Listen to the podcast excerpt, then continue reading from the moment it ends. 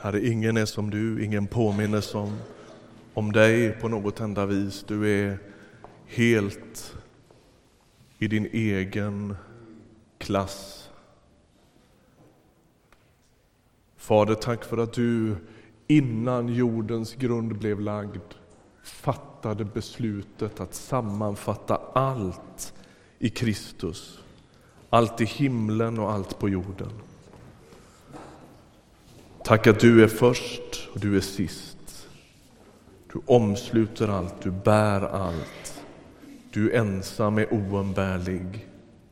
Du är tillvarons mitt, alltings epicentrum. Allt finner sin tyngd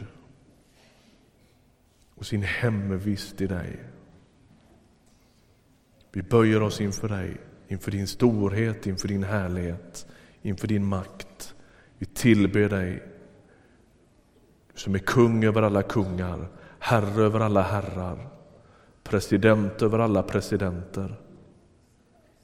Du ensam är mäktig och du ska få sista ordet i den här världen.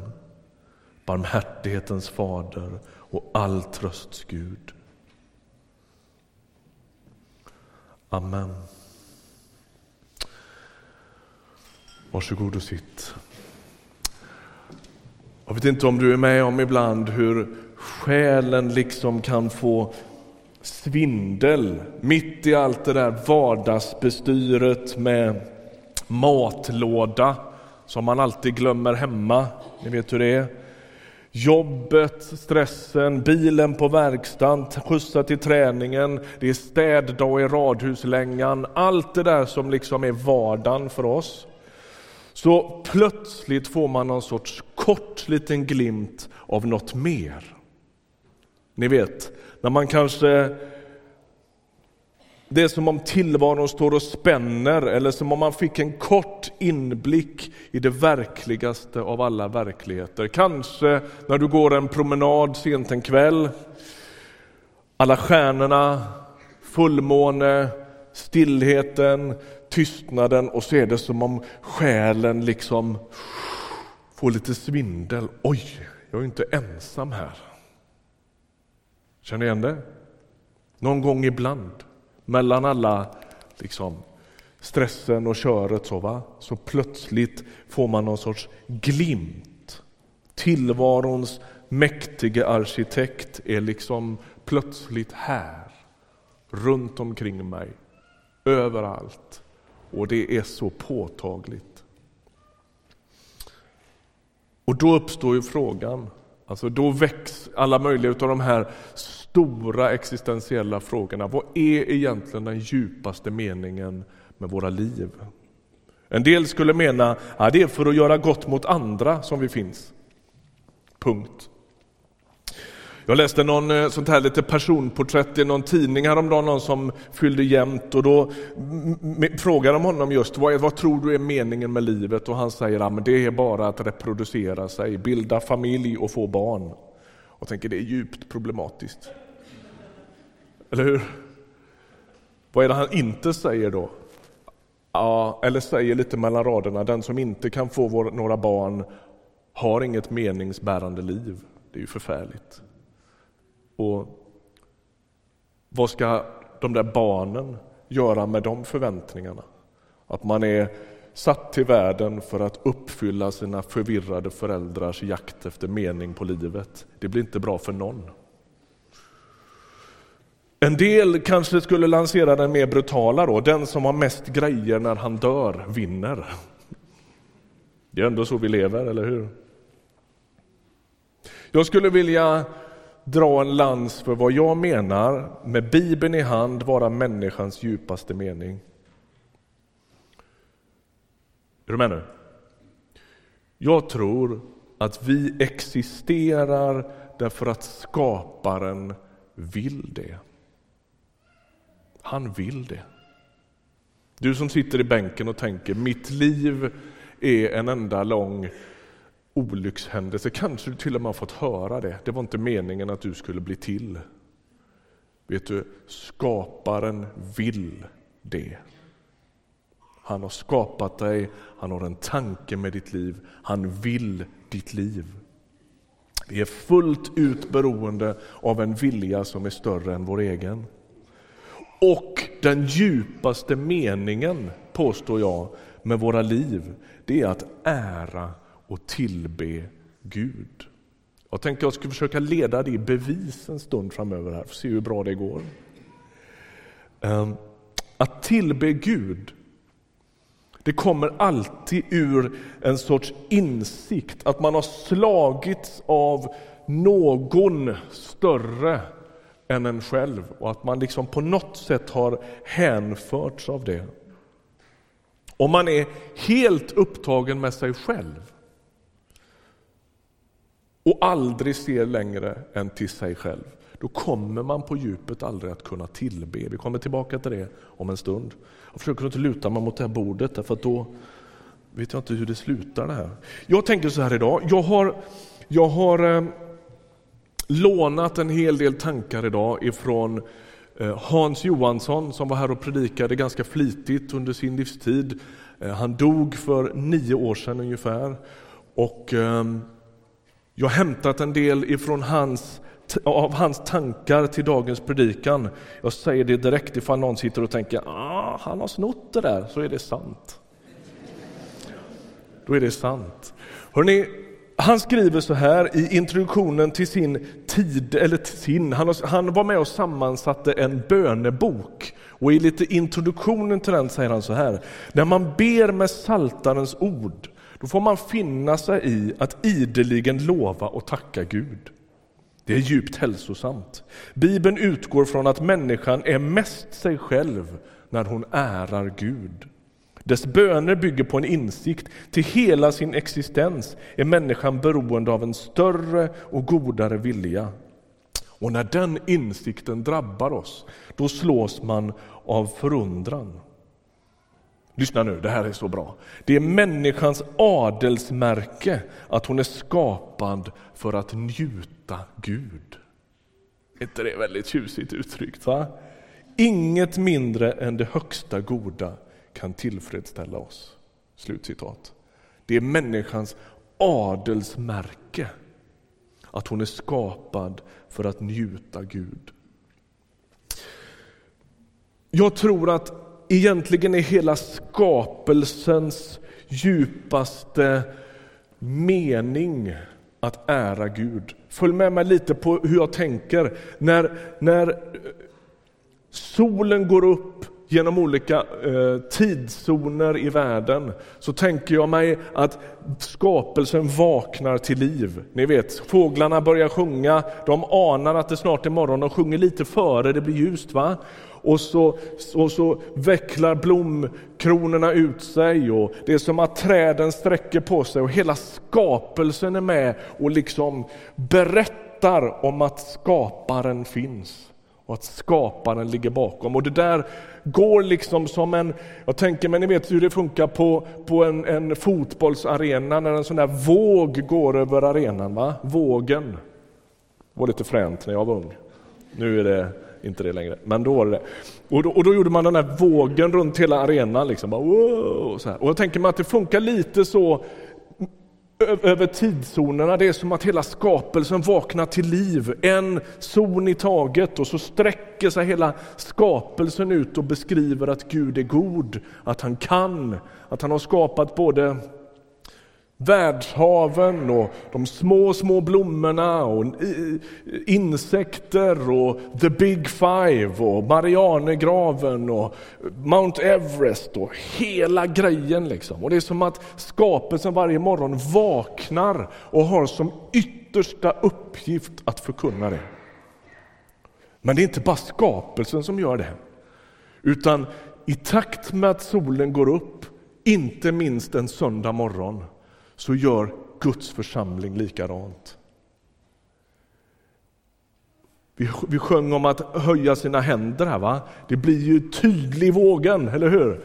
Genom, år, liksom, genom tidszonerna så här, va? över hela världen så reses Guds församling för att proklamera för hela tillvaron, för sitt eget hjärta.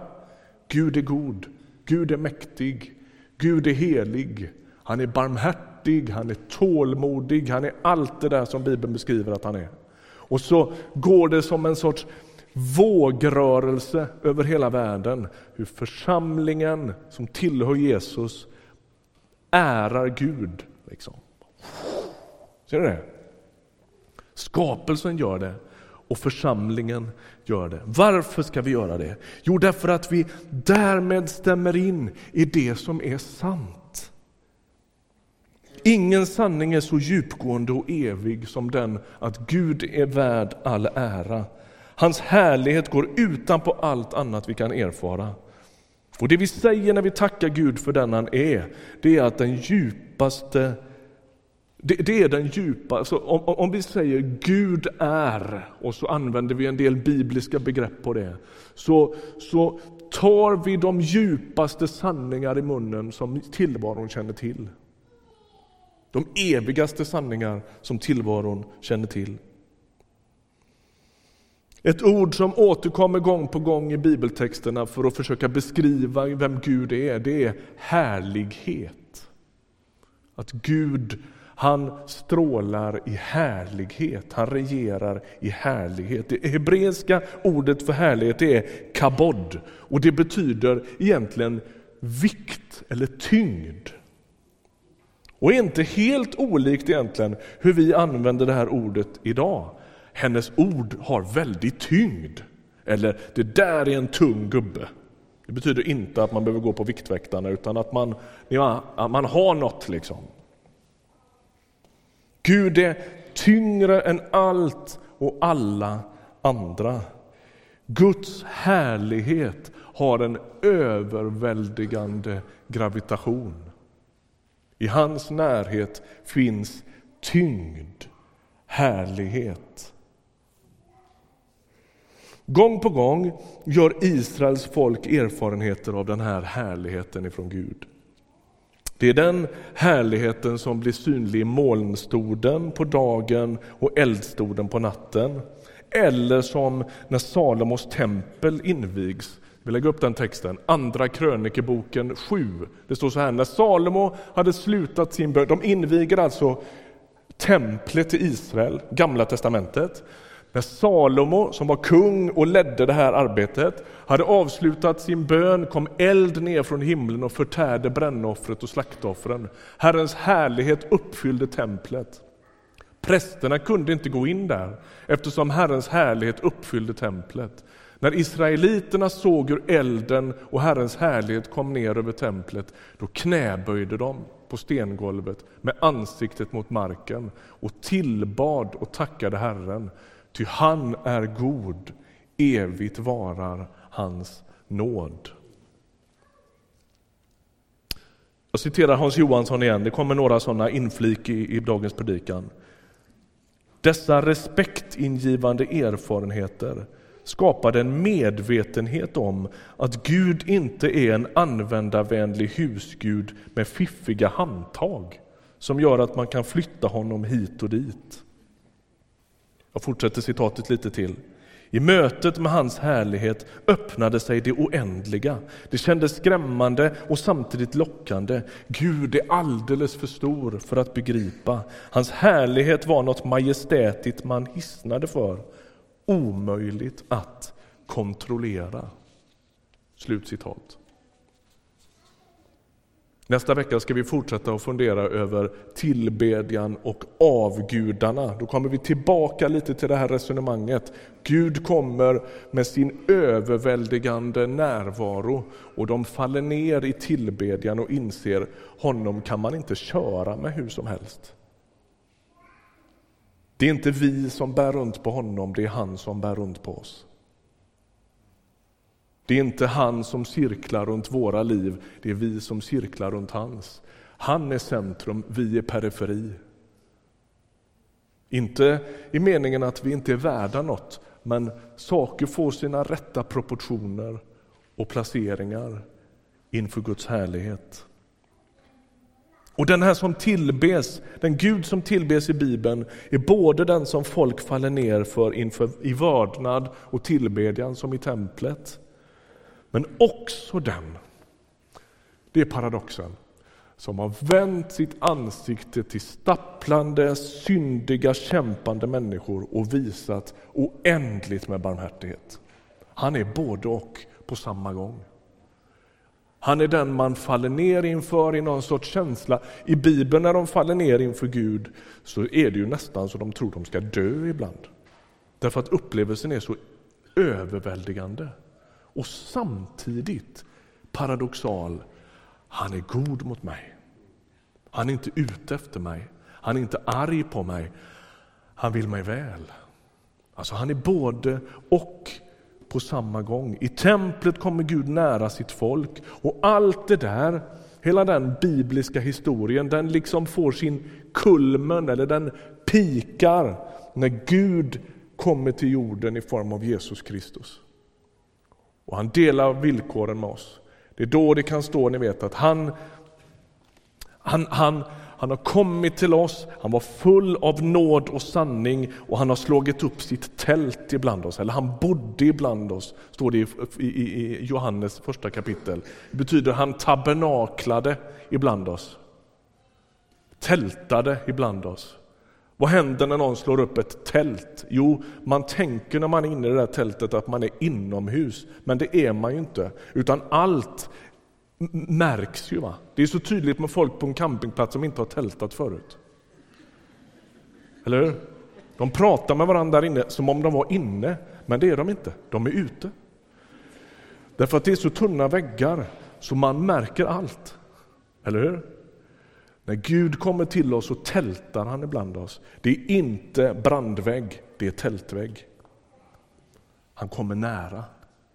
Han delar sitt liv med oss. Han är både härligheten som överväldigande fyller hela templet och barmhärtighetens fader som kommer oss så nära så att vi får se vem han är. Låt mig försöka kort nu beskriva ett sorts perspektiv som är återkommande i Gamla testamentet. Jag tänkte göra det lite snabbt. Jag läser några bibeltexter tillsammans med dig och så ska jag försöka dra ihop det här. Hesekiels 36 kapitel, jag vet inte hur ofta du läser Hesekiel, det är en rätt knivig bok. Men det här är bra. Det, alltihopa är bra, men ja, glöm det. Vart de än kom, det är profeten som talar om Israels folk och Israels folk har hela tiden svårt att hålla sig till Herren. Då står det så här, vart de än kom bland de främmande folken vanärade de mitt heliga namn. Israel alltså. Man sa om dem, de är Herrens folk och ändå har de fått lämna hans land. Det plågade mig att israeliterna vanärade mitt heliga namn bland folken de kommit till.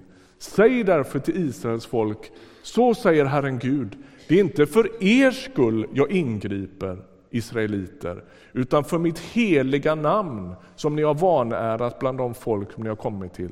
Ni har vanärat mitt mäktiga namn överallt bland folken. Det har blivit vanärat, men jag ska visa hur heligt det är.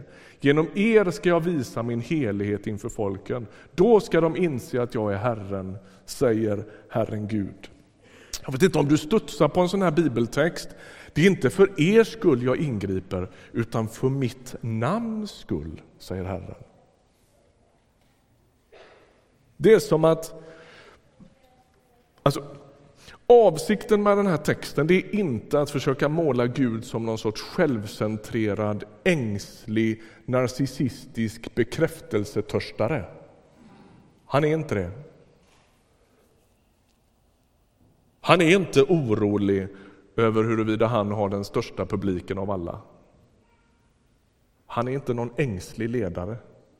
Han är ingen självupptagen ledare. Nej, det här handlar om något annat. Gud är mån om sitt eget rykte. Därför att folken runt omkring ska förstå vem han är. Vi tar en bibeltext till, ska vi se om vi reder ut det här. Häng med mig lite till. vi bläddrar några blad till kapitel 39. Så säger Herren Gud, nu ska jag vända Jakobs öde och visa barmhärtighet mot Israels folk, ty jag brinner av lidelse för mitt heliga namn. Alltså, det är som att genom hela bibelberättelsen, den bibliska historien, så försöker Gud hjälpa oss att förstå att tillvaron ordnas inte med mindre än att Guds namn blir ärat. Varför? Av flera skäl. För, delvis för vår skull. Därför att våra liv kommer inte att rättas in i tillvarons liksom, komplexiteter med mindre än att vi tillber Gud.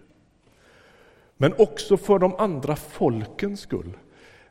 Grejen är att Gud är mån om sitt rykte. Och det är han inte som sagt för att han är ängslig eller bygger någon image, utan det är han för att folken runt omkring ska förstå vem han är. Och Israel är med och sabbar det ryktet genom sin olydnad. Och han är mån om att upprätta det.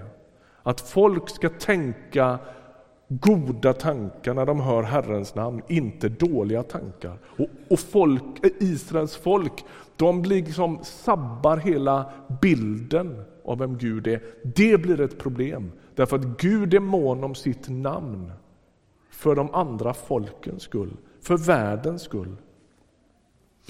Paulus drar ihop det här i Nya testamentet. Det är lite bibelstudium nu, men, men, men häng med lite till. Filipperbrevet, två stycken texter, en från kapitel 1, en från kapitel 2. Min bön, säger han till de kristna i Filippi, är att er kärlek ska växa och bli rik på insikt och urskiljning. Så att ni kan avgöra vad som är väsentligt, stå rena och skuldfria på Kristi dag, fyllda av den rättfärdighet som är frukten av Jesu Kristi verk. Gud till ära och pris, säger han. Och nästa kapitel, Berättelsen om Jesus, e- e- Eva-Marie var inne på detta för två veckor sedan, läste den här texten då med. När han till det yttre hade blivit människa gjorde han sig ödmjuk och var lydig ända till döden, döden på ett kors. Därför har Gud upphöjt honom över allt annat, gett honom det namn som står över alla andra namn, för att alla knän ska böjas för Jesu namn, i himlen, på jorden och under jorden, och alla tungor bekänna att Jesus Kristus är Herre, Gud Fadern till ära. Häng med nu.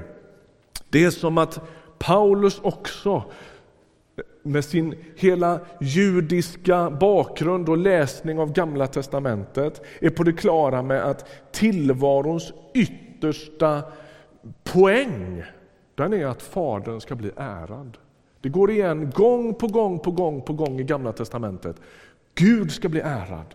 Gud ska bli ärad. Och när Paulus är ute på sina missionsresor och försöker predika för människor som aldrig hört talas om Israels Gud, så är hans poäng att allt fler ska tillbe Gud.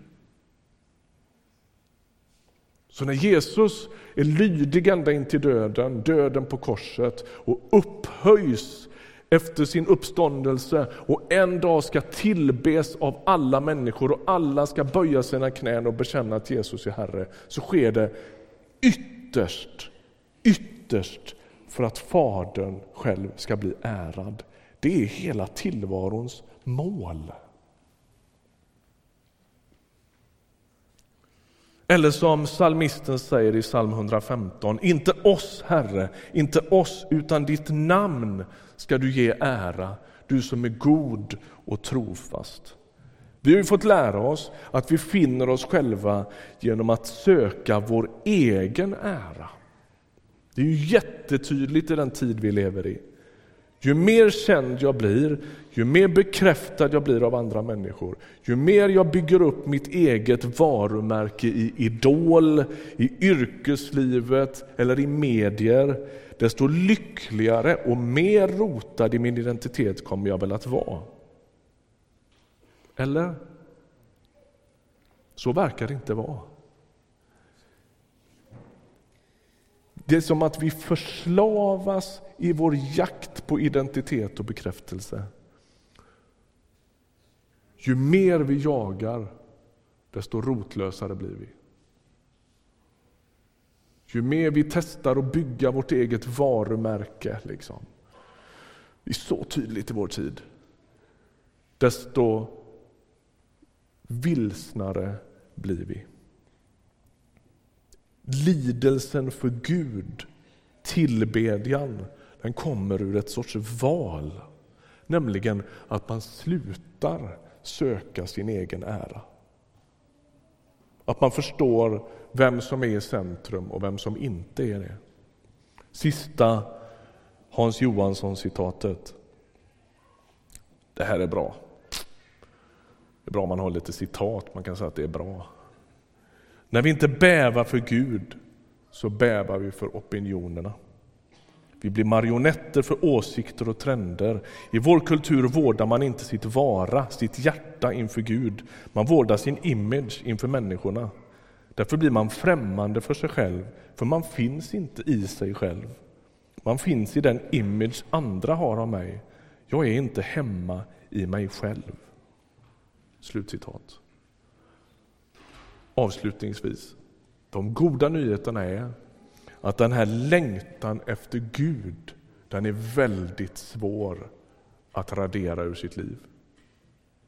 Den kommer liksom tillbaks. Och det är som att vi lider av en obotlig saknad efter den som har skapat oss till sig själv.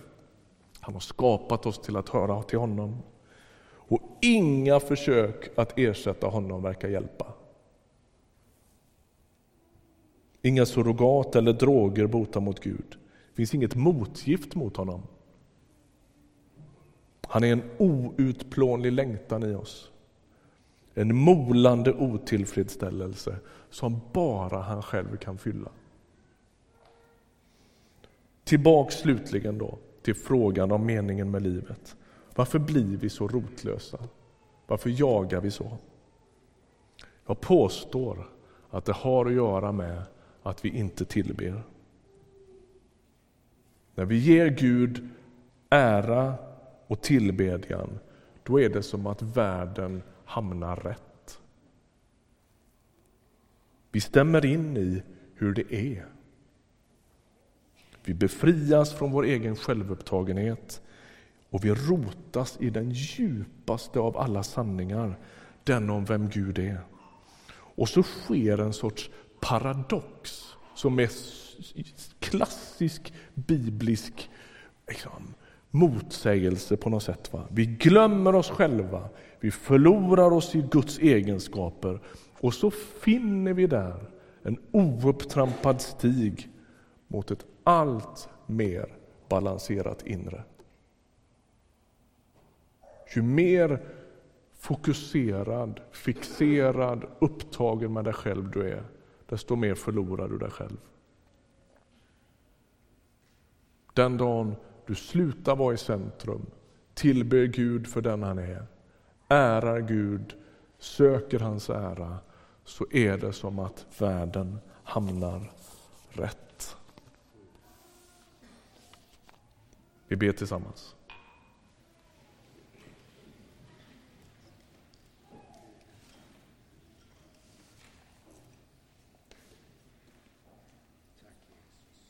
Jesus, vi bekänner för våra egna hjärtan inför varann, inför dig, inför den synliga världen och inför den osynliga världen. Du är alltings centrum. Du är kungars kung. Vi tillber dig. Vi hyllar dig.